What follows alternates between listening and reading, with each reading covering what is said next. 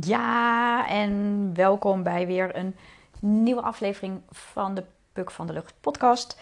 Wat leuk dat je weer luistert. Vandaag in deze aflevering wil ik, wil ik mijn verhaal vertellen. Mijn verhaal van ja, wie ben ik en ja, wie zit er achter degene die altijd een beetje tegen je aan zit te lullen of waar je naar zit te luisteren. En wat is mijn reis hier naartoe, tot waar ik nu ben en hoe ik hier nu ben gekomen. En nou, het is een inkijkje in, in mijn uh, persoonlijkheid en wie ik ben en met wie je te dealen hebt. Maar ook um, hoop ik je daarmee op bepaalde vlakken uh, misschien herkenning te bieden of nou, mogelijk te inspireren of nou, whatever. En misschien ook niets van het al. Uh, en is het gewoon leuk om naar te luisteren. En als dat nou niet zo is, dan kan je hem natuurlijk altijd halverwege afbreken als je geen zin meer hebt. Maar dat hoop ik natuurlijk niet. Dus, nou, laat ik beginnen bij het begin. Ik ben geboren in 1971 binnen een gezin van hele jonge ouders. Eigenlijk waren mijn ouder, ouders eh, tienerouders. Ik ben geboren in een eh, dorpje in Betuwe. Nou, Heel mooi, rustig, fijn dorpje. En ik, was, ik ben geboren als de jongste in het gezin. Ik heb een oudere broer. En mijn oudere broer was dat op dat moment uh, vier. Die, was, die is vier jaar ouder. En op het moment dat hij geboren werd, was mijn moeder net 16 en mijn vader volgens mij 21, denk ik. Dus uh, dat was dus een, uh, dat was een tienerpaar, zeg maar. Mijn moeder was 15 toen ze zwanger raakte van mijn broer. En zij moesten toen toestemming vragen aan de koningin, hebben ze me wel eens verteld, om te mogen trouwen. Want dat mag niet onder een bepaalde leeftijd. Dus daar moet je dan toestemming voor krijgen. Dus dat hadden ze gekregen. En ja, toen zijn ze getrouwd met het idee, nou ja, het was uh, natuurlijk niet gepland en onverwacht, maar we gaan de rest van ons leven met elkaar doorbrengen. Met een kind. En omdat ze natuurlijk heel jong waren en mijn moeder moest haar school afbreken. Volgens mij heeft mijn moeder de school afgebroken, ja, als ik het juist heb. Mijn vader, uh, die had de school al afgemaakt en die had de grafische school gedaan. Of daar was hij nog mee bezig, of nou, hij zat op, in ieder geval op het laatste gedeelte daarvan uh, was hij nog iets.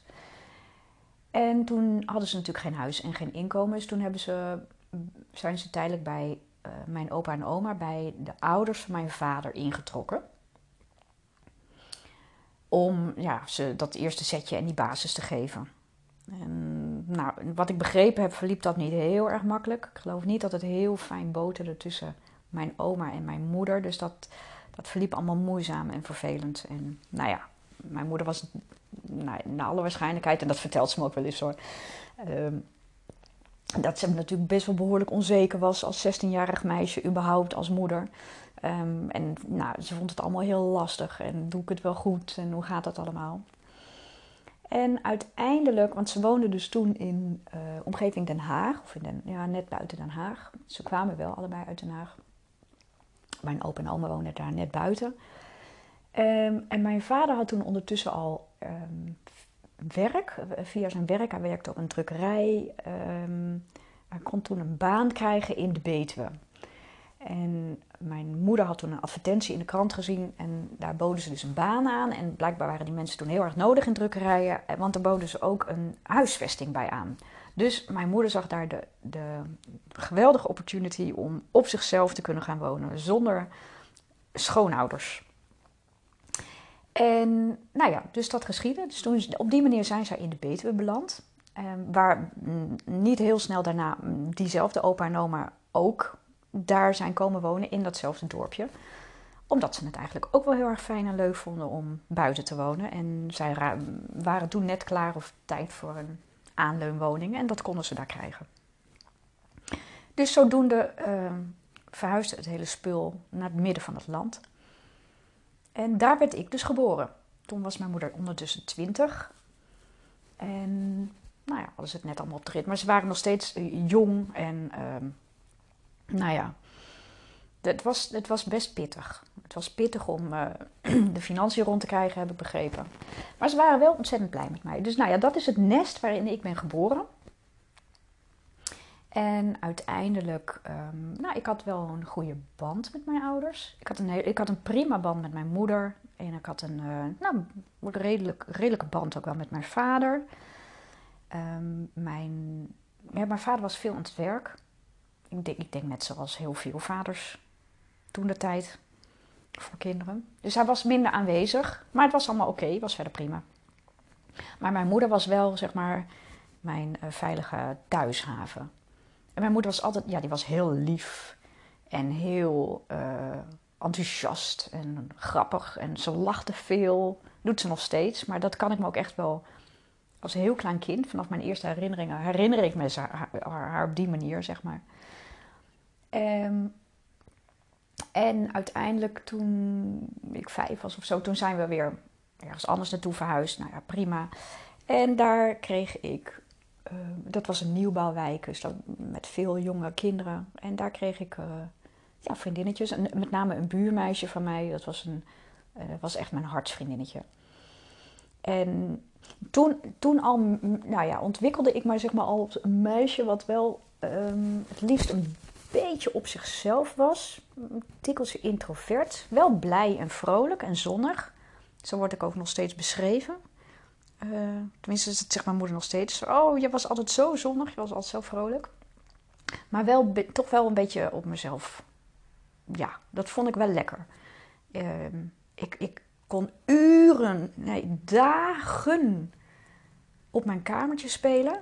Samen met, met mijn vriendinnetje, dus dat buurmeisje met houten poppetjes, boerderijdiertjes, uh, Playmobil, Lego, de, de kleine ouderwetse Lego. We bouwden hele huisjes, dorpjes, stalletjes, uh, caravans, vakantiehuisjes. Nou, ik weet het allemaal niet wat wij met onze houtjes en legootjes en, en poppetjes uh, bouwden. Een één grote mooie fantasiewereld. En ik vond het heerlijk. We konden ons daar dagen in vermaken. En als ik dat niet deed, dan was ik veel aan het lezen. Dat weet ik nog wel. Uh, in de eerste klas van de lagere school, toen ik net lezen, of had leren lezen, weet ik nog wel, toen nam mijn vader mij op een zaterdagochtend mee naar de boekhandel. En toen zei hij, nou meisje, nu kan je lezen, nu gaan we je eerste boekje kopen. Nou, leuk. Dus ik naar de boekwinkel met mijn vader. En mijn vader die greep helemaal naar de plank waar echt de... Nou, ik vond het echt infantiele peuterboekjes. Met grote letters en grote plaatjes nog. En, en, uit, en, en ik was heel snel al mijn plankje hoger en daar kwam een, er was een boekje en dat heette, ik kan het me nog herinneren, dat heette De Klompenmaker. En ik, ging dat, en ik sloeg dat boekje open, die eerste bladzijde. En ik begon zo die eerste regels te leven. En het ging over een vader met kinderen en hij was klompen. Nou, ik vond het geweldig. Ik weet niet waarom, maar ik vond het geweldig. Dit boekje wil ik. Nee, zei mijn vader, dat kan jij nog helemaal niet. Daar, daar ben je, jij, jij, je hebt net leren lezen, dat kan jij nog helemaal niet lezen. Nee, papa, luister nou, ik kan dit wel lezen. Nee, zei hij weer, dat kan jij niet lezen. Dat is veel te groot. En, dat, dat, kijk, daar staat ook een leeftijd bij, dat is helemaal niet goed. Uh, maar ik, ik, had echt, ik vond het zo oneerlijk dat hij gewoon niet naar me luisterde. En dat ik daar met een, een van de infantiel rotboekje naar huis moest. Ik zei, nee, luister nou, ik kan dit wel lezen. En toen zei hij, nou, lees het dan maar eens even voor. Ga maar eens even de eerste drie zinnen lezen. Nou, en hortend en stotend met mijn vinger onder de woordjes, ik weet het nog, las ik ook echt in die boekhandel ook op. Er was eens een kloppenmakker en, die, en toen zei hij, ja, zie je, klompenmaker staat er. En zei oh, oké. Nou, dus dat wist ik. was klompenmaker, want daar stond 1K. En, um, maar ik maakte wel die zinnen zo af. En toen gaf hij me toch het voordeel van de twijfel. Dat hij zei, hm, oké, nou, misschien kan je dan toch, kan je het toch wel lezen. Duurt misschien wel wat langer, maar oké, doe maar. Nou, en zo ging ik met mijn eerste boekje naar huis. En die heb ik uh, volgens mij... Uh, aan één stuk door. Niet in één dag, want zo snel ging het toen nog niet, maar wel uitgelezen. Uh, en dat was de eerste honger naar boeken, lezen. Heerlijk. Dus als kind heb ik ook heel veel op mezelf in mijn eigen wereld gelezen. Heel veel avonturenboeken. De Vijf. Ik weet niet of iemand dat nog iets zegt of dat je het kent. Maar ik las heel. Ik heb echt de hele serie. Het waren volgens mij 21 delen. 21 of 23 delen waren het. Van vijf kinderen, of vier kinderen en een hond. En die beleefden een Engelse. het speelde zich af in Engeland. Vier Engelse kinderen. Uh, en die beleefde allerlei avonturen met allemaal schimmige mensen eromheen. En gevaarlijke mensen en ontsnapte mensen. En mensen die kwaad in de zin hadden. En het speelde zich altijd uit af op kastelen of sloten met, met grachten eromheen. Of campings. En ze mochten altijd zelf kamperen van die... Nou, geweldig. Ik, ik, ik heb de hele serie, alle, ene, alle ene, volgens mij waren het 21 boeken... in ieder geval minstens twee keer gelezen. Soms drie keer, denk ik. En bepaalde edities of bepaalde boeken van die serie, die vond ik zo machtig. Nou, die heb ik wel zes of zeven keer gelezen. Af en aan en opnieuw en opnieuw. Heerlijk, geweldig. En wat ik ook heel veel deed als kind is um, platen luisteren, sprookjes luisteren. Oneindig veel sprookjes. Ik kreeg op mijn vierde of vijfde, denk ik, kreeg ik mijn eerste sprookjesplaat ook. Die mocht ik ook uitzoeken in in, in, bij de V&D op de platenafdeling. En het waren dan zes sprookjes verteld door, nou ja, dat waren toen hele mooie bekende stemmen. Uh, Tom van Duinhoven en nou ja, echt de oudjes onder ons zullen ze nog kennen. Maar nou, heerlijk. En ik kon ook uren, en de reddertjes, de reddertjes van Walt Disney was toen ook net uitgekomen. Of die kwam iets later uit dan dat ik mijn eerste sprookjesplaten kreeg. En Pinkeltje. Maar uren, dagen. We hadden een hele grote, ja, het was een pick-up meubel had je toen nog. Die kregen we altijd cadeau van, van mijn opa en oma, die ondertussen dus ook in datzelfde dorp wonen. Want nou, zij spaarden dus altijd voor alles. Dus voor een, voor een nieuwere televisie. En, dat hadden wij dan allemaal niet. En op het moment dat zij dus de volgende kochten, dan kregen wij hun, hun oude altijd. Dus zodoende hadden wij altijd hun oude grote zwart-wit televisie staan. Of een oude pick-up meubel. En dan hadden ze weer een nieuwe gekocht. goed, het was dus een heel groot, echt super 17, ik denk 16 nog, jaren 60 pick-up meubel. Dat was een een meubel, nou, dat als je een soort dressoir hebt, vrij laag. En daar zaten dan schuifdeurtjes in. En dan kon je die schuifdeurtjes openen. En daar zat dan die pick-up in. Die zat daar dan ingebouwd. Dat is eigenlijk heel onhandig. Uh, en die kon je dan ook op verschillende toeren afdraaien. Maar dus daar, en die stond op de. Uh, vroeger stond hij dan eerst in onze woonkamers. Ik lag, we hadden daar plavuizen op de, in de woonkamer, weet ik wel. Dat was helemaal mode toen lag ik op die harde plavuizen. Ehm, het liefst wel misschien ergens op een koeienkleed of zo dan nog. Dat ik dacht, nou laat ik daar maar op gaan liggen. Lag ik de hele dag met die hoes in mijn handen. Om naar, dat, naar die afbeelding of dat plaatje te kijken. Van waar ik dan naar het luisteren was. Uh, en oneindig opnieuw, opnieuw, opnieuw, opnieuw draaide ik al die platen af. Achteraf denk ik, oh, mijn ouders die moeten echt gek geworden zijn daarvan. Niet normaal. Ik bedoel, ik herinner me nog dat ik gewoon na de 30.000ste Teletubby-aflevering van mijn kinderen ook op een gegeven moment dacht: nee, niet weer. Nog een keer, nog een keer. Nou, dat zullen zij ongetwijfeld met mijn uh, platen hebben gehad en mijn, mijn, mijn sprookjes en verhalen. Nou, heel fascinerend. Maar goed, dus eh, nou ja, dat, dat was ik dus een beetje als kind. Ik, was, uh, ik, ik vond het heerlijk op mezelf. En uh, ja, ik leefde erg in mijn eigen wereld. Ik had niet heel veel vriendinnetjes. Had ik ook niet nodig. Ik had twee of drie goede vriendinnen. Um, dat, dat buurmeisje, dat was dan mijn beste vriendin. En ik weet nog wel, na de eerste klas van de lagere school... Toen werden we gesplitst, want toen kwamen de...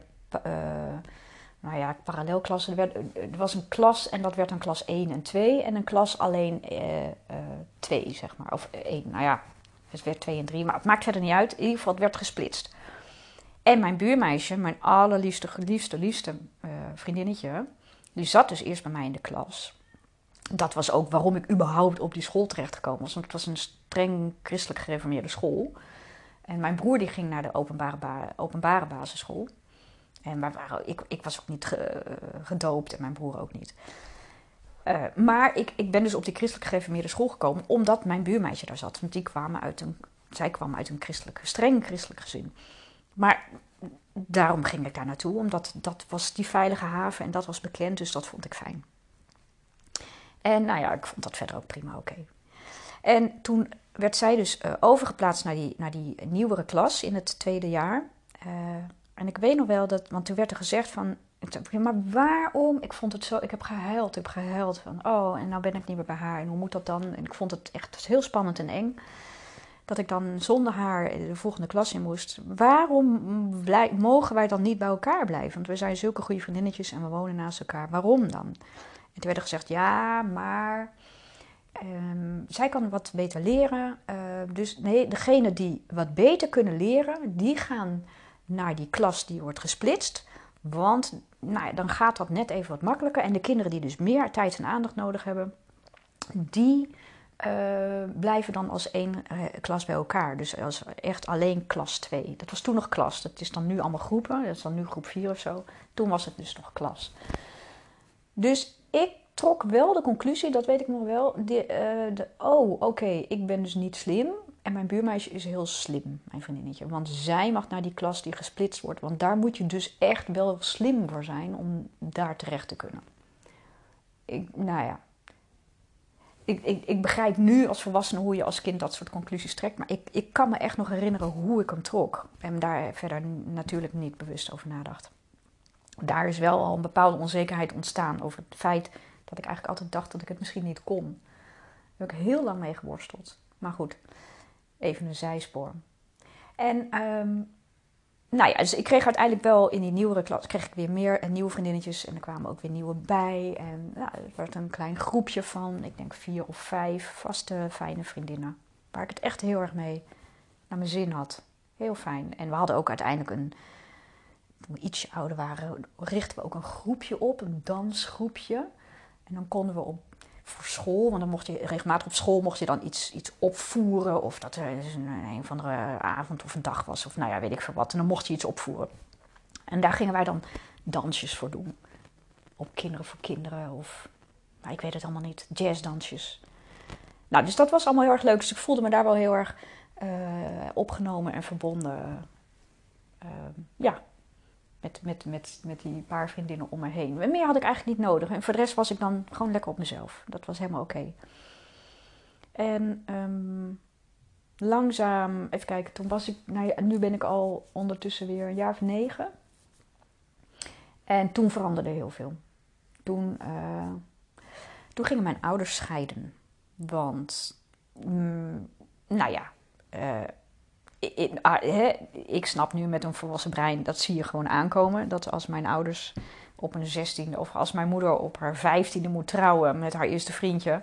Nou ja, dat het mogelijk in de meeste gevallen niet goed afloopt.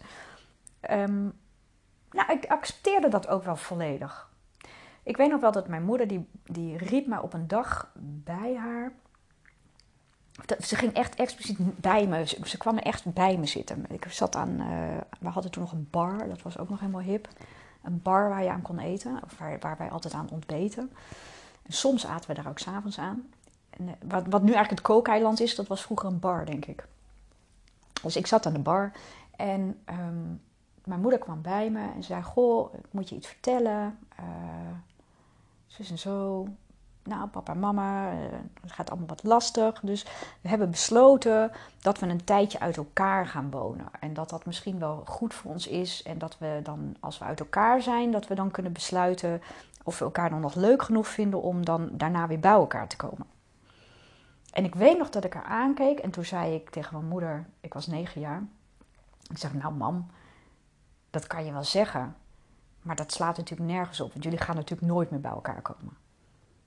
En mijn moeder, ik weet nog wel, ze, keek me ook aan. Achteraf heeft ze dat ook wel eens ze heeft dat wel ook wel genoemd. Die voelde zich heel erg betrapt. Later zei ze van, ik, ik vond het zo volwassen en zo groot van je. Want op het moment dat jij dat zei, had ik direct door um, ja, hoe het zat. En dat ik mezelf een verhaal ophield. Wat ik aan jou probeerde te, te vertellen. Maar ik, ik prikte daar dus onmiddellijk door. Ik zei, nou, dit is natuurlijk echt onzin. Want het klopt niet. Ik voelde aan alle kanten van nee, dit, dit is echt dit is een raar verhaaltje. Prima dat, jullie, dat je uit elkaar gaat of dat je wil scheiden. Maar nee, dat, dat is natuurlijk uh, onzin. En toen zei ze: Goh, wil jij bij mij of bij papa eventueel blijven? Of nee, weet je wel dat je niet dan bij papa kan blijven wonen? En zei ik, nou, nee, ja, dat weet ik. En dat was voor mij ook niet meer dan vanzelfsprekend dat ik bij mijn moeder wilde wonen. Want ja, mijn moeder was altijd mijn veilige, vertrouwde haven. Dat, dat, dat stond echt als een paal boven water. En ik had wel een redelijk goede band met mijn vader hoor. Ik was best wel gek met mijn vader. Want hij deed ook heel veel. We hadden echt al een paar jaar een, een traditie dat hij. Dat we iedere zaterdagochtend uh, of iedere zaterdag. Dat, dat, hij, dat hij echt tijd voor mij. In ieder geval ook met. Ja, zeker ook voor mij. Maar ook met ons, met mijn broer. Nam om uh, nou, zeg maar quality time te hebben. Dus ik weet nog wel, iedere zaterdagochtend dan gingen we samen naar de stad. Um, en dan gingen we bij, er was een, een, een, een soort heren, of een modezaak, en die had dan op de bovenste verdieping, net zoals wat je nu bij, of, later bij uh, eh, VD en dergelijke had, bij Laplace zeg maar, dat je dan uh, een, broodje kon eten, of een taartje kon eten, of een sausijzenbroodje. Nou, en dan gingen wij iedere zaterdagochtend, gingen we met z'n tweeën, gingen we dan, uh, kreeg ik limonade en hij nam altijd koffie, en dan gingen we een sausijzenbroodje eten. Uh, in de stad. Nou, dat, was echt, uh, dat waren echt van die feestmomenten. Oh, helemaal met z'n tweeën en alleen met papa. En oh, dan mocht ik altijd een glaasje, nam ik altijd cassis, want dan kreeg ik ineens limonade, want dat, dat hadden we natuurlijk nooit. Ja, of limonade siroop hadden we thuis, maar dat, nou, dat was echt een feestje. En dan helemaal als we dan ook nog zo'n broodje erbij kregen. Dus, en dan later was dat, gingen we iedere zaterdag ging die met ons zwemmen, ging hij naar het zwembad. en ging hij mij nou ja, in ieder geval wel helpen om te leren zwemmen. We hadden wel zwemles ook, schoolzwemmen. En, maar daar deed hij dan echt wel uh, zijn best mee. Dat was, ja. En dat, dat, dat, dat vond ik ook echt, dat was ons uitje. Dat, dat was allemaal leuk, prima. Maar ik, was nooit zo comfortabel bij mijn vader als dat ik dat eigenlijk bij mijn moeder was. Maar ik heb daar ook verder niet over nagedacht. Ik had er ook totaal geen oordeel over. Ik nog steeds niet, maar ik had er ook helemaal geen oordeel over wie die wel of niet was. In ieder geval, op dat moment stond het als een paal voor mij boven water. Nee, ik ga, tuurlijk blijf ik bij jou wonen, mama. Dat, dat, uh, dat was vanzelf. Maar toen zei ze ook van ja, maar um, Marcel, jouw broer, mijn broer dus, die, um, die gaat straks 12 jaar oud worden. Het was rondom zo. Hij, hij zou daarna 12 worden. Hij was dus ouder. En hij mag zelf kiezen bij wie hij wil wonen. Dus het zou best kunnen dat hij, dat, dat hij anders gaat kiezen. Oh, oké. Nou ja, verder niet bij nagedacht. En ondertussen nou die scheiding was dus aangekondigd. Dat, dat verliep allemaal, maar de, de periode daar, daarna, die was echt, die was dramatisch. Die was echt, echt vervelend thuis. De, de ruzies liepen zo op, de spanningen liepen zo op. Dat was echt niet fijn en niet leuk. Um, en daar kregen we natuurlijk allemaal wat van mee. Uh, en dat was echt niet fijn. En uiteindelijk um, nou, had mijn moeder wel gezegd van... nou ja, dan en dan probeer ik echt weg te zijn. Of ga ik naar een ander huis. Of, maar ze was nog met iets bezig, maar dat, dat, nou ja, dat was dus nog niet uh, voorhanden. Dus we moesten de tijd nog even uitzingen. En uiteindelijk, um, toen... Even denken hoor.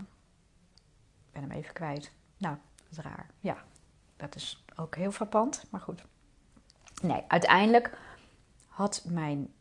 Oh ja, toen zei mijn uh, vader op een dag: van, um, We gaan nu aan jouw familie vertellen. Want mijn moeder die kwam uit een, een, uh, een Indisch gezin. Een groot, heel warm, hecht Indisch gezin van uh, acht kinderen. We gaan nu aan jouw familie vertellen. En daar was mijn vader, was daar ook echt geliefd en als kind aan huis. En daar gingen we ook met regelmaat, verbleven we daar. Gaan we vertellen dat we, dat we gaan scheiden. Dus toen zei mijn moeder, die had toen werk voor de krant. Mijn moeder werkte op de redactie van een krant, van een weekkrant. Um, en die, zei, die had een deadline. Die had altijd iedere zondagavond, het was altijd gedoe in huis, iedere zondagavond had ze de deadline, want maandagochtend moest de krant eruit. En dus die zei, nou, maar dat is onmogelijk, dat kan niet. Het is zondag, ik moet gewoon schrijven, ik, ik heb gewoon mijn deadline. Ik, ik kan nu niet een dag uh, daar naartoe, naar Den Haag. Dus toen zei mijn vader, nou, dan ga ik alleen. En dan neem ik, uh, neem ik dus hij nam mij mee.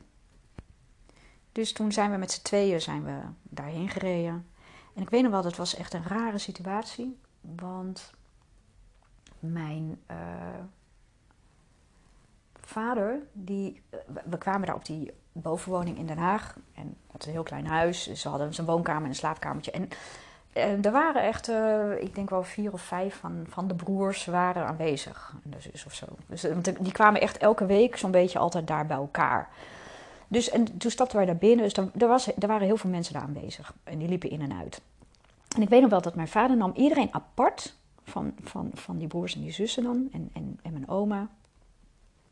En één voor één ging hij dan in dat kamertje, in dat slaapkamertje, vertellen dat ze gingen scheiden. En ik weet nog wel, en ik mocht daar niet, ik zat, was daar niet bij, ik mocht daar niet bij zijn. Ik, nou, dus ik zat gewoon in de woonkamer, dan met degene die overbleven. Nou, koetjes en kalfjes. En elke keer kwam er dan weer iemand nieuw uit die slaapkamer.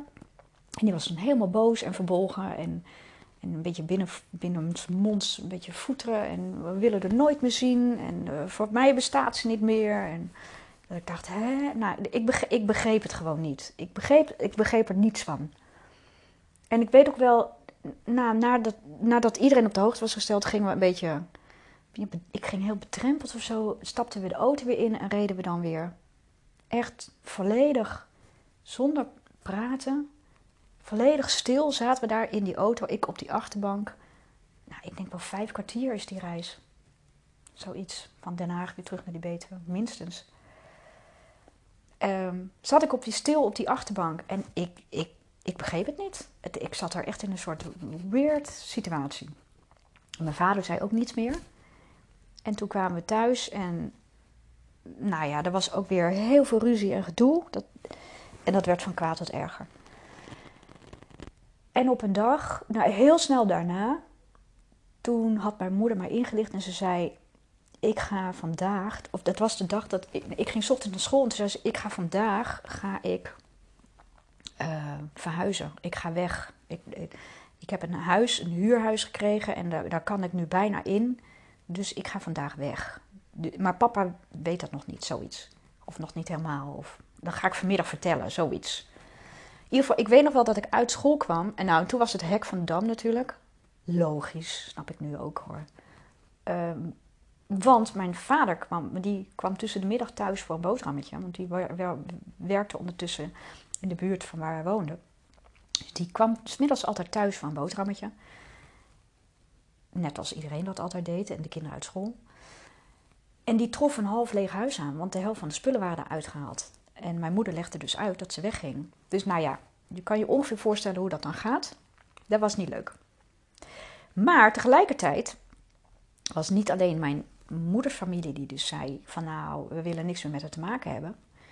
Uh, voor ons bestaat ze niet meer. En dus zeg maar, de eigen dochter werd verstoten en de schoonzoon, mijn vader, die werd zeg maar onthaald en binnengehouden. Eh, maar mijn broer, mijn broer die was ook zo verdrietig en zo verontwaardigd over het feit dat mijn moeder... Want mijn moeder was dus verliefd geworden op iemand anders. Nou bleek dus achteraf dat ze pas uh, de durf of de lef had om die scheiding door te zetten, omdat ze dus verliefd was geworden op een ander. Maar dat had ze mij nog niet verteld. Of nou misschien vlak daarvoor, maar dat was nog niet zo heel duidelijk. En voor mijn broer dus ook niet. Maar mijn broer, die was zo verschrikkelijk, nou, teleurgesteld, verdrietig, boos. Boos met name, denk ik. Dat, nou ja, over hoe het ging. En, en hij zag hoe ontzettend verdrietig mijn vader was.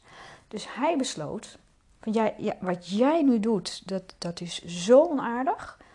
Ehm, ik wil jou ook nooit meer zien. Ik blijf bij papa wonen en ik wil jou nooit meer zien. Dat zei hij tegen mijn moeder. Dus in, in die hectiek um, verhuisden mijn moeder en ik naar die nieuwe woning. Die helemaal nog niet af was eigenlijk. Want het was een nieuwbouwwoning. Het was januari en de verwarming deed het nog niet. Dus toen werd er ook gezegd van ja, maar dit kan niet. We kunnen hier. Toen een, vriendin van mijn moeder zei van, maar dit kan niet. Je kan hier nu niet wonen. Dit, dit gaat niet. En toen bood iemand anders, waar ze op dat moment een beetje uh, ja, uh, contact mee had, uh, die ik niet goed kende. Het was een, een meisje wat bij mij op school zat. Ik kende haar niet goed. Ik wist dat ze in een andere klas zat. Nou, ondertussen wist ik een beetje de naam. Maar mijn moeder had dan had contact gekregen met haar moeder. En die hadden gezegd: Weet je, jij komt met haar bij ons thuis logeren. Zolang jij niet in dat huis kan, je gaat daar niet in dat koude, kale betonnen huis zonder verwarming zitten in januari terwijl het vriest dat het kraakt. Jij komt bij ons wonen. Dus daar ging ik met een tas, met een koffer, ik weet het niet, naar dat huis, naar dat meisje van school, met die moeder. Ik kende die mensen niet. Uh, en zij had ook een, het was zo'n gezin, een vader, een moeder en twee dochters. Die had een zus. En um, er was ook geen logeerkamer. Of er was een logeerkamer en daar ging mijn moeder dan in, maar dat was heel klein. En daar was, dus daar kon ik niet meer bij. Dus ik heb uiteindelijk uh, een matras gekregen in de slaapkamer van dat meisje. En het heeft een aantal weken geduurd. Dus de, nou ja, daar begon het al dat het niet heel erg lekker meer mee ging met mij. Om, nou ja, hè, dat, dat introverte meisje, wat het liefst op zichzelf was in de eigen sprookjeswereld met de boeken. Uh, dat was een beetje lastig op dat moment. Dat, uh, dat wou niet meer. Plus dat, um, nou ja, mijn moeder had niemand meer om terug te vallen, zeg maar, qua familie. En mijn broer wilde ook niets meer met hem te maken hebben. En mijn vader was dus ook heel erg boos. En ook heel erg verdrietig. Dus uiteindelijk begon mijn vader, dat begon al tijdens die logeerpartij dus, in dat andere huis bij dat schoolmeisje. Uh, die begon, uh, nou ja, naar dat huis toe te komen, uh, voor de deur te posten. S ochtends als ik dan op de fiets met hun stapte om weer naar school te gaan, want het was een stuk verder fietsen uh, stond hij daar al met de auto. En dan, of dan wilde hij meerijden, of dan riep hij dingen, of hij wou contact met mij. Nou, ik vond het allemaal heel erg eng. En ik snap nu als volwassene en hè, nu uh, ik heel veel verder ben, de frustratie en de pijn en de teleurstelling van mijn vader. En ik snapte die toen ook wel, alleen ik werd daar wel heel erg bang van. Ik vond het echt heel eng. Ik voelde me bedreigd, ik vond het angstig. Ik wist niet wat hij ging doen, ik wist niet wat er kon gebeuren. Ik wist niet of hij nog harder ging uitvallen of dat er nog engere of ergere dingen gingen gebeuren. Ik vond het allemaal uh, een beetje bedreigend. Dus ik probeerde daar zoveel mogelijk en zover mogelijk eigenlijk afstand van te houden. En mijn vader voelde dat natuurlijk en die wilde juist steeds harder en harder aan mij trekken. Want die wilde ook dat niet alleen mijn broer bij hem kwam wonen, maar ook ik. Want hij vond dat hem alles was afgenomen. Hij hield nog vreselijk veel van mijn moeder. Hij was kapot van het feit dat ze bij hem wegging omdat ze verliefd was op een ander. En um, ja, en, en ik was ook, dat, dat zei hij altijd, van oh, het enige wat ik altijd wilde was een meisje, was een dochter. En nou ja, dus in, in zijn beleving werd dat ook van hem afgenomen. En hij, en hij waardeerde op dat moment, denk ik, voor mijn broer in ieder geval te weinig. Dat mijn broer überhaupt volledig voor hem koos. Dat hij uh, volledig partij koos voor hem en bij hem ging wonen en afstand nam van mijn moeder. Maar dat was niet genoeg voor mijn vader. En, en hij waardeerde ook niet wat mijn broer deed. Hij vond dat nou, misschien een vanzelfsprekendheid. Waar mijn broer later dan ook wel weer best wel problemen en gedoe en, en ja, best wel een dingetje over heeft gehad naar mijn vader toe. Dus, maar goed, zo werkt dat dan in familierelaties. In ieder geval, wij zijn uiteindelijk na een aantal weken toch naar dat eigen huis gegaan, uh, verhuisd en daar gaan wonen. En uh, het achtervolgen en het stalken, ik ga daar verder nu niet te veel en te lang op in. Uh, ik heb dat verder eh, ondertussen een plek gegeven en verwerkt. Maar ik merk wel nu ik het vertel dat het me raakt, want ik, ik voel een bibber in mijn stem weer. Um, dat is van kwaad tot erger geworden en dat heeft een lange periode geduurd. Nou, niet heel lang, uiteindelijk een maand of vijf, denk ik. Ja, zoiets. Vijf, zes maanden, misschien ietsje langer. Ongeveer. Nee, een maand of negen was het in totaal, ja. Um, en dat was heel naar. Dat was echt heel vervelend. En um, nou ja, ik, ik ben, weet je, heel kort gezegd, plotsklaps van het een op het andere moment. Op het moment dat mijn moeder aankondigde van uh, er komt een scheiding. En zeker met het verloop van het contacten en, en het verdriet van alles en iedereen. Uh, ben ik daar uh, compleet zoals veel vaker en bij veel meer kinderen is gebeurd op zulke soort momenten, van mijn kind zijn in een volwassen persoon gestapt. Vanaf dat moment was ik volwassen. Voelde ik mij verantwoordelijk, nam ik verantwoordelijkheid. Ik voelde mij heel erg verantwoordelijk voor het geluk van mijn moeder. Want ik zag alleen maar dat zij ontzettend veel verdriet had. Dat ze het heel erg moeilijk had. Dat ze bang was. Dat ze mij wilde beschermen. Dat ze zichzelf wilde beschermen. Uh, nou, mijn vader is, uh, is ook wel binnengedrongen in ons huis. Uh, en zeg maar niet dat het kwam omdat wij de deur voor hem openden.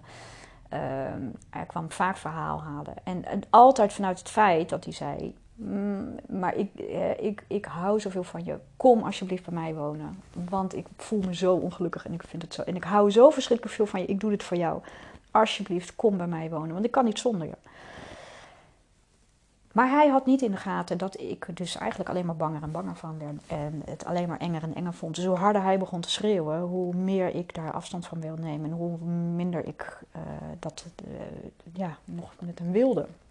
En het liefst wilde ik eigenlijk nooit meer naar hem toe.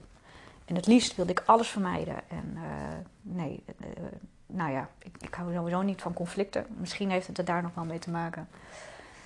En toen heeft mijn moeder wel altijd. Van, ik heb dat altijd heel erg gewaardeerd. Dat heb ik altijd heel erg netjes gevonden. Ze heeft altijd gezegd: Het is en blijft je vader. Hij doet dit uit liefde voor je. Het is echt met alle beste bedoelingen. Hij, hij brengt het een beetje rot over. Maar hij houdt van je. En uh, je, het is belangrijk dat je gewoon naar hem toe blijft gaan. Dat je het contact blijft onderhouden met hem. Uh, en wat hij. Hè, de, de, agressie die hij heeft is op mij gericht en niet op jou. Want hij blijft van jou houden. Dus ga gewoon naar hem toe ik heb dat altijd bewonderd. En ik dacht, oh ja. En ze bleef ook altijd positief over hem praten. Ze heeft nooit negatief over hem gesproken. In tegenstelling wat mijn vader natuurlijk wel deed. Um, achteraf, veel, veel later, um, heb ik er dat eigenlijk wel weer heel erg kwalijk genomen. Omdat ik, omdat ik op dat moment dat helemaal niet voelde zo. En dat helemaal niet wilde.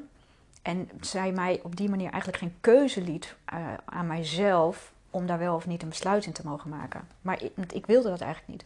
Dus tegen mijn zin in en tegen mijn gevoel in en tegen mijn angsten in, ging ik dus wel heel vaak naar hem toe.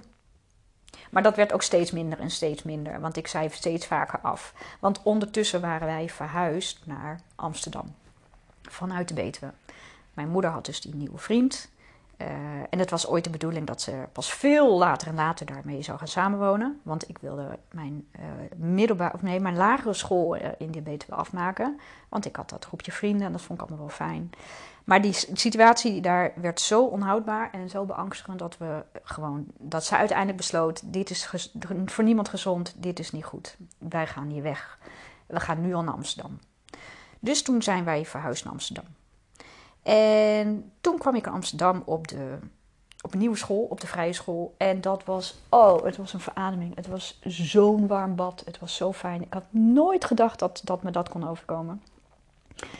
Uh, ik werd daar opgenomen in een klas van, van, van ontzettend lieve, vriendelijke, leuke kinderen. En iedereen was enthousiast en blij. En alles kon en alles mocht. En ik was echt helemaal blij. En ik kon niet snel genoeg uiteindelijk inderdaad naar Amsterdam verhuizen. Dus toen ik daar eenmaal in Amsterdam zat en ik was heel ver weg van die Betuwe en van, van die dreiging en van dat zware en nare gevoel en al dat verdriet en al dat, jeetje, echt, de, de, de, de, de hemel brak open. Het, het was, ik liep op wolken, ik had vleugels, ik ging ontdekken, ik ging, ik weet nog wel, eh, ik, ik ging dan heel vaak, ik was toen negen was ik toen, hè? of net tien, nee, ik was net tien. Uh, moest ik, uh, want ik woonde dan aan de ene kant van Amsterdam, in Amsterdam-Oost, en mijn school stond aan Amsterdam-Zuid. Maar dat was bijna een uur reizen met de bus. En dan moest ik ook nog overstappen met de bus. Waren stadsbussen. Uh, en nou ja, dus dat, na veel uh, morren, want mijn moeder ging me dan eerst wegbrengen naar school. Nou, dat vond ik echt zo suf, want ik was toch echt al tien. Um, en al mijn andere klasgenoten die kwamen ook zelf naar school, ook met die bus. En sommigen ook met de trein van buiten Amsterdam. Er kwamen zelfs kinderen uit Horen en er kwamen kinderen uit Purmerend. En die deden dat allemaal met openbaar voer. Ja, toen kon dat allemaal. Dat was echt, stel je even voor, hè, 1981 was het geloof ik. Of 1980? 1981 was het denk ik. Echt begin jaren 80 van een progressief Amsterdam. Nou, geweldig. Alles kon, iedereen deed dat gewoon. Dus, uh, nou, ik weet wel, na twee weken, ik schaamde me kapot. En dan zat ik daar met kinderen uit mijn klas in die bus en dan zat mijn moeder ernaast, want die wilde me dan naar school brengen. Want ik kwam natuurlijk uit dat provinciestadje. Dus zij vond het doodeng. Maar dan, uh, dus uiteindelijk liet ze dat dan toch wel los. Van nou ja, oké, doe dat dan maar. Dat, nou, dat kan je dan toch wel. En ik weet nog wel, ik had dan een abonnement voor die bus en zo. En dan ging ik gewoon, uh, dan gingen we, hoe noemde ik dat ook? Ik noemde dat, ik ga reizigertjes spelen, zoiets. En ik had dan ook een vriendinnetje en die deed dan ook nog wel mee. En dan stapte ik gewoon op een bus of een tramlijn of een metro. En dan ging ik ergens gewoon zomaar uitstappen. Ik wist al niet waar, want ik dacht, nou, dan ga ik hier maar uitstappen. En dan nam ik gewoon een volgende. En ik weet nog wel, ik heb dat zo vaak gedaan in het begin. En mijn moeder, nou, die echt, die, die stierf zeven doden, geloof ik. Elke keer als ik thuis kwam. Want we hadden natuurlijk ook geen telefoons of zo. Dus ja, ja hoe laat ben je thuis? Ze wist ongeveer hoe laat ik uit was uit school. Oh jee, ze komt maar niet. Maar dat is nee, ik ging gewoon uh, via een omweg naar huis. Of ik ging ook echt, als ik thuis kwam, ging ik weer gewoon naar de bushalte. En ging ik dus reizigertje spelen. En zo heb ik dus in best wel korte tijd, heb ik best wel snel Amsterdam leren kennen. Ik wist best wel snel waar ik, waar ik zat, waar ik was, hoe het ging. Uh, en ik, ging, ik liet mezelf gewoon door die stad voeren. Geweldig. Het voelde zo vrij. Nou ja, het uh, was echt heel leuk. Dus, um, maar goed, ik zat dus in dat Amsterdam met, met een enorme kliek van, van uh, vriendinnen en, en, vrienden. En ik voelde me ineens echt enorm geliefd. Waarvan, daarvoor was ik altijd op mezelf en vond ik heel erg fijn. En, en daar ging het ineens de andere kant op. Want ik voelde ineens hoe het was om uh, in verbinding te zijn en geliefd te zijn en erbij te horen. En niet dat ik er daarvoor niet bij hoorde. Maar nou, blijkbaar was de vibe of iets ineens anders. Waardoor ik het gevoel had. Of ik was heel erg op zoek naar erkenning. Dat kan natuurlijk ook in de situatie waar ik zat. Dat weet ik niet. Dat ga ik ook allemaal niet uitanalyseren. Ik voelde me in ieder geval enorm gewenst en gedragen en fijn in, in die groep daar. Waardoor ik mezelf wel later in mijn puberteit enorm heb verloren. Ook juist door in die groep en dat gebeuren.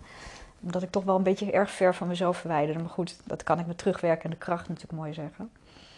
Maar daardoor kon ik ook steeds makkelijker en steeds vaker tegen mijn vader zeggen: Nee hoor, ik, uh, kom, uh, ik kom dit weekend niet. En uh, nee hoor, ik, ik heb een feestje of ik heb gezin of nou ja, whatever. En mijn school, ik zat op de vrije school, die had ook zaterdagschool. Dat was namelijk toen nog het systeem. Daar zijn ze later van afgestapt, maar dat bestond al, nou ja, 75 jaar zo. Zij vonden, de vrije school ging uit voor de continuïteit van het kind en het leerproces en uh, nou ja, weet ik wat allemaal voor het kind. Is het beter als je zes dagen in de week structuur hebt en dan één dag in de week is het rust en daarna heb je weer structuur. Dus zij hadden een systeem van zes dagen school, dus ik moest ook op zaterdag naar school. Nou, en het eerste wat er natuurlijk gebeurde toen ik in Amsterdam op school kwam, was dat er een uitzondering voor mij werd aangevraagd. Want mijn vader was het daar natuurlijk niet mee eens. Want ja, die had bezoekersrecht. Zo ging dat toen nog. Eens in de 14 dagen ging ik dan een weekend naar mijn vader. Ja, dat weekend dat startte natuurlijk op vrijdag. Maar ik moest zaterdag naar school. Dus werd er uh, toestemming gevraagd van... Goh, mag zij dan eens in de twee weken op zaterdag... dat ze dan niet naar school hoeft... want haar vader vindt, uh, komt de bezoekersverplichting na. Nou, verschrikkelijk vond ik dat. Zo suf. En ik was natuurlijk al ergens al pissig en kwaad. En ik wilde allemaal al niet. Maar dat vond ik al helemaal... Uh, dat ik dacht, nou, jeetje. En school vond dat niet heel erg fijn. Dus uiteindelijk heb ik ook... Is dat een soort, nou ja, misschien vlucht ook wel geweest. Of ik vond het wel fijn en lekker om op een gegeven moment te zeggen... joh, weet je, die zaterdagschool, dat is gewoon belangrijk. En daar wil ik gewoon bij zijn. En... Uh, dus daardoor werden die weekenden naar mijn vader werden al korter en kleiner. Nou, dat, natuurlijk vond hij dat niet leuk. En natuurlijk was hij daar verdrietig om. Maar um, nee, ik, ik vond het alleen maar fijn. Ik kon afstand nemen. Ik durfde op die manier eindelijk nee te zeggen tegen hem.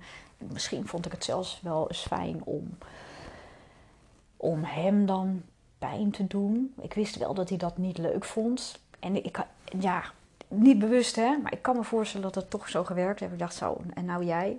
Uh, nee hoor, ik kom lekker niet. Uh, dus die afstand werd steeds. Maar, en er kwamen steeds vaker conflicten. Ik werd steeds meer puber. Ik ging steeds meer afzetten. Ik heb, best wel, uh, ik heb me behoorlijk afgezet in puberteit. Uh, en er waren ook nou, met regelmaat momenten dat ik ook zei tegen hem: van, Nou, weet je, ik hoef je ook niet meer te zien. Ik wil dit allemaal niet meer. En zoek het uit. En dan verbrak ik het contact. Omdat we zoveel conflicten hadden. En dan na een tijdje, dan.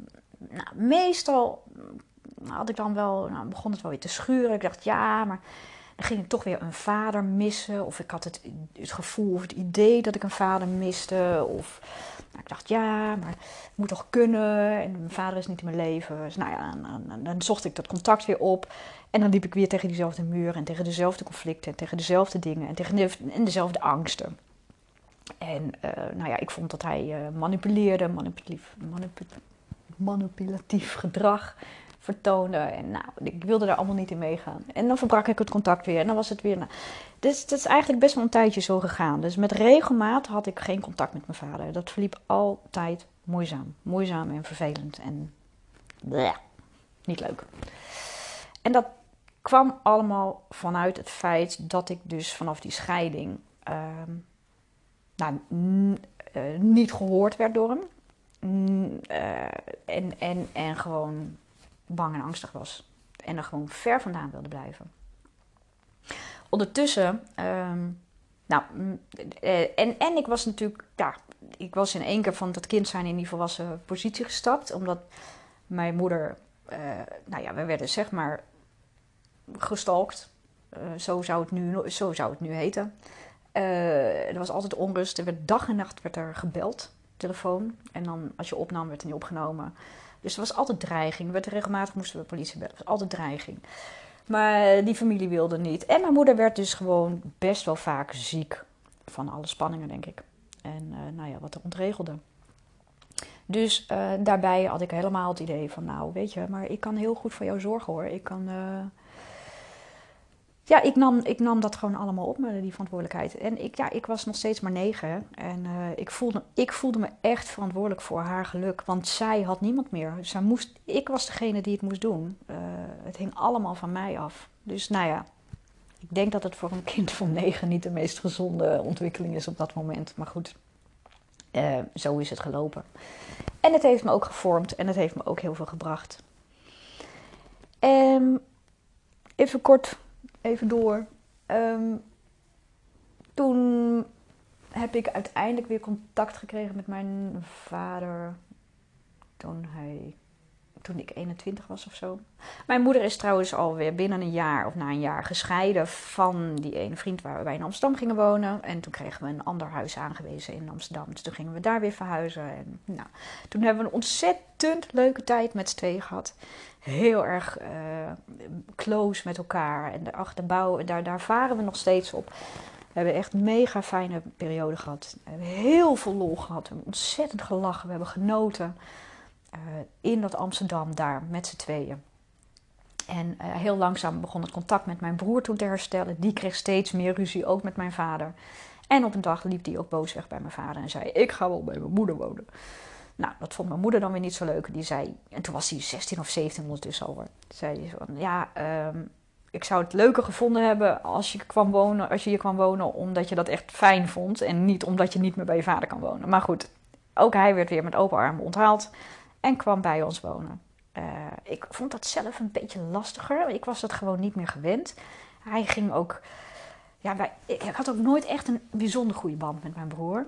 Uh, ook vanaf kinds af aan al niet hoor. Het, eh, was altijd erg aan het pesten en aan het een beetje sarren. En, het, het, liep nooit echt heel erg lekker. En toen hij ook bij ons in Amsterdam kwam wonen, nam hij ook echt enorm de rol van de man ineens in huis. Ja, maar ik ben hier de man en uh, ik ga het nu wel even allemaal vertellen of zo aan jullie. Dus dat, dat, dat viel allemaal niet lekker. Dat viel niet goed. En jij mist een vader, dus ik luister nou maar naar mij. Dan uh, komt, dacht ik, dacht, wacht even. Wij hebben het, ik heb het hier prima gered en gemanaged zonder jou. Dus, dus dat, dat liep ook niet helemaal lekker. Maar goed, die kwam dus uiteindelijk eh, bij ons wonen. En toen ik dus eh, een jaar of 21 was, 22, toen uh, had ik ondertussen mijn, mijn, mijn, mijn eigen man, die, waar ik nu nog steeds mee ben, had ik ontmoet. heel kort, nou ja, zo verliefd. Echt binnen twee dagen wonen we samen en nog steeds. Ook een mooi verhaal, maar dat ga ik een ander keertje vertellen. Um, en toen eh, heb ik dat contact met mijn vader weer hersteld. Maar dat is eigenlijk altijd hersteld vanuit het idee van ja, maar mm, je moet toch je vader, uh, het, is, is toch je vader. En nou ja, weet je, ik wil nou even contact. En dat, dat, eh, het, ging nooit vanuit de juiste motieven, denk ik. Dus um, uiteindelijk, ik heb altijd gedacht, die hele scheiding, die hele periode, die hele periode in Amsterdam en jongvolwassen, dat ik, ik vond dat ik het ontzettend goed deed. Ik was altijd vrolijk, ik was optimistisch, ik had het naar mijn zin. Ik vond dat ik er heel erg goed doorgekomen was. Dat ik het leuk voor elkaar had gekregen. Dat ik sterk was. Dat ik het allemaal voor elkaar kreeg. Nou, echt, ik wist wel wie ik was. Ik wist wel waar ik voor stond. Ehm, dus dat had mij de kracht gegeven. Uh, tot, tot wie ik was. Uh, en dat heb ik mijn hele uh, jong volwassen jaren ook volgehouden. Totdat ik um, uiteindelijk zelf kinderen kreeg. En op het moment dat ik mijn eerste kind kreeg, toen. Um, ja, blijkbaar werd ik daar. Werden er, werd er in mijn onderbewuste zoveel aanspraak. Dat hoor je ook wel vaker, hè? Dat op het moment dat uh, dingen die je allemaal wegstopt of uh, die aanwezig zijn, op het moment dat je uh, zelf kinderen gaat krijgen, dat dat dan alsnog weer naar, naar, naar boven komt of uitbarst. Nou, bij mij is het echt volgens mij opengebarsten, inderdaad. Maar volledig onbewust, geen idee. Ik zat zo in mijn hoofd. Ik vertrouwde ook volledig op mijn brein en op mijn denken en rationaliseerde alles. Terwijl ik wel altijd vond van mezelf dat ik uh, uh, heel gevoelig was en heel sensitief. Want weet je, ik ben wel in die mate gevoelig dat ik heel gauw uh, emotioneel ben. Of me dingen heel erg aangrijp. Of dingen aantrek. Of dat ik dingen aanvoel van mensen om me heen. Dus dat, dat vond ik allemaal wel.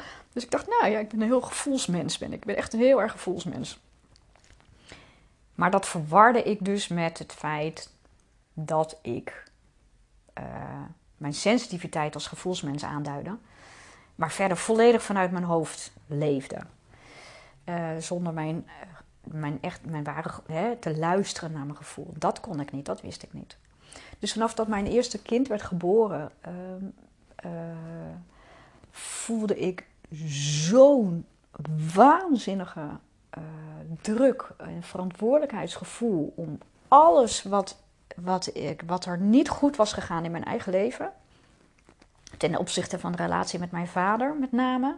Over verantwoordelijkheid. Ik vond dat, ik vond dat hij geen verantwoordelijkheid had genomen voor zijn, voor zijn doen. En hij heeft ook nooit echt sorry daarvoor gezegd. Dat heb ik hem altijd kwalijk genomen. En, maar op het moment dat ik dus mijn eerste kind zelf kreeg, voelde ik zo'n verschrikkelijke verantwoordelijkheid om het, om het goed te moeten doen.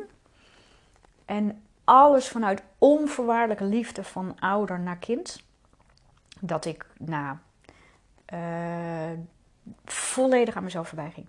Maar dat merkte ik dus al heel, snel. Um, ik weet niet of dat ermee te maken had. Maar achteraf weet ik dus nu dat ik na de geboorte van mijn eerste een uh, het zij wel milde, want ik ga niet zeggen dat het een zware was. Het is een milde postnatale depressie heb ik gekregen of gehad.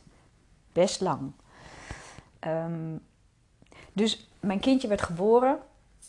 Onwijs lief. Ook super gevoelig kind. Echt enorm. Toen ook al vanaf het moment dat hij geboren werd en eruit kwam. En ah ja, hij voelde natuurlijk aan alles aan bij mij dat dat niet lekker ging en dat het niet lekker liep. En ik voelde me alleen maar verward. En ik voelde, ik, alles voelde als moeizaam, als stroperig. Ik was moe. Ik was. Ik zat niet lekker in mijn vel. Ik heb ontzettend veel en vaak gehuild. Ik heb altijd mezelf alleen maar volgehouden en tegen mezelf gezegd: Het komt goed. Uh, achter de wolken schijnt de zon. Uh, alle moeders zijn, net, zijn moe die net een kindje hebben gekregen. Alle kindjes huilen.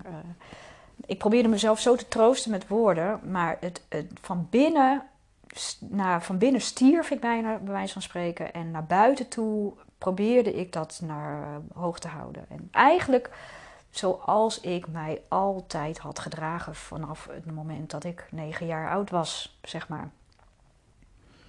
Um, dus dat, maar ik had het niet in de gaten, dat het gebeurde. En toen werd ik ook onverwacht, ongepland moet ik zeggen. Ongepland werd ik ook direct zwanger van mijn tweede. Na drie maanden, mijn jongste, of mijn oudste was toen drie maanden. Nou, dat overviel me ook verschrikkelijk, want ik zat helemaal in, in dat enorm zware gevoel van... Ik, ik weet niet hoe dit moet, ik kan dit niet, ik, ik trek het niet, uh, ik, ik voel me zo kut, ik, ik weet het... Nou, alles ging moeizaam. Maar ik kon er geen verklaring want ik wist niet dat dat dus uh, zeg maar een postnatale depressie was.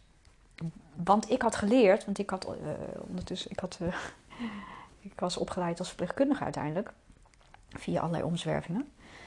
en ik had geleerd in mijn opleiding, postnatale depressie krijg je als je of als je een postnatale depressie hebt, dan heb je hallucinaties. Ga je hele gekke dingen doen. Ben je niet meer in staat voor jezelf of om voor je kinderen te zorgen. Dus ik had echt associaties met je stopt je kind in de wasmachine, bij wijze van spreken. En dan heb je een postnatale depressie. Dus ik, ik, het kwam niet in me op dat dat, dat, dat, dat zich in mijzelf afspeelde. Dus. Um, Oké, ik uh, zie nu dat ik maar een uur heb aan opname en dat ik al heel lang aan het podcasten ben. Dus ik moet uh, even kijken hoe ik dat. Uh... Oh, dat ga ik dus eventjes aan elkaar plakken. Dus er zit dadelijk een klik tussen.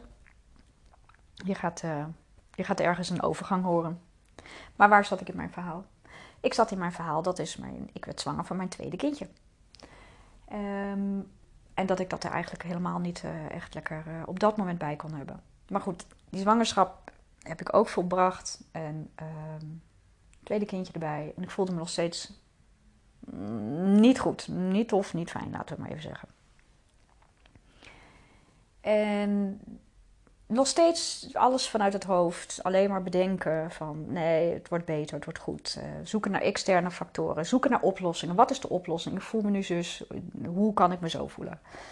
Heel erg in mijn hoofd, in mijn mind. Nee, weet je wat ik ga doen?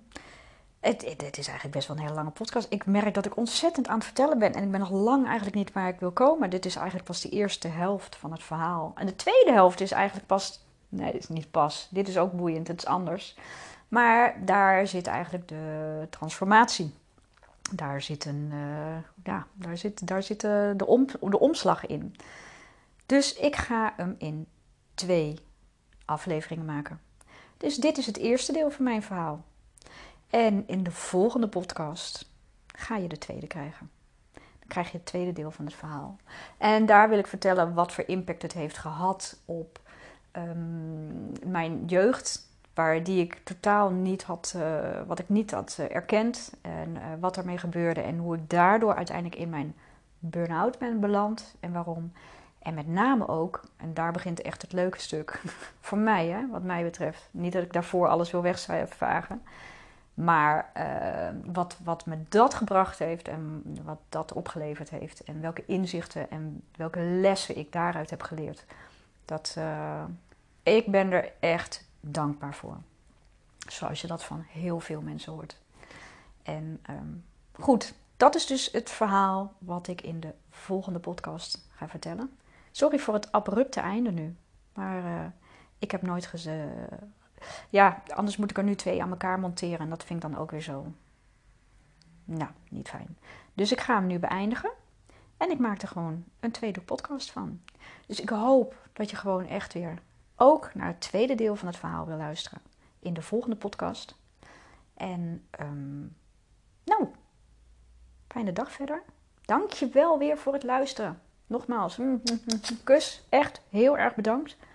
Mocht je deze podcast leuk vinden of interessant vinden of wat dan ook, die zal me heel erg helpen als je uh, een review of sterren wil achterlaten in de Apple Podcast. Dat je eventueel een interessante aflevering met iemand deelt. Alles om zeg maar meer draagvlak te kunnen creëren voor mijn verhaal uh, naar de buitenwereld. En zo niet, natuurlijk ook helemaal goed. Dankjewel. Dankjewel weer voor het luisteren en tot de volgende podcast. Doei!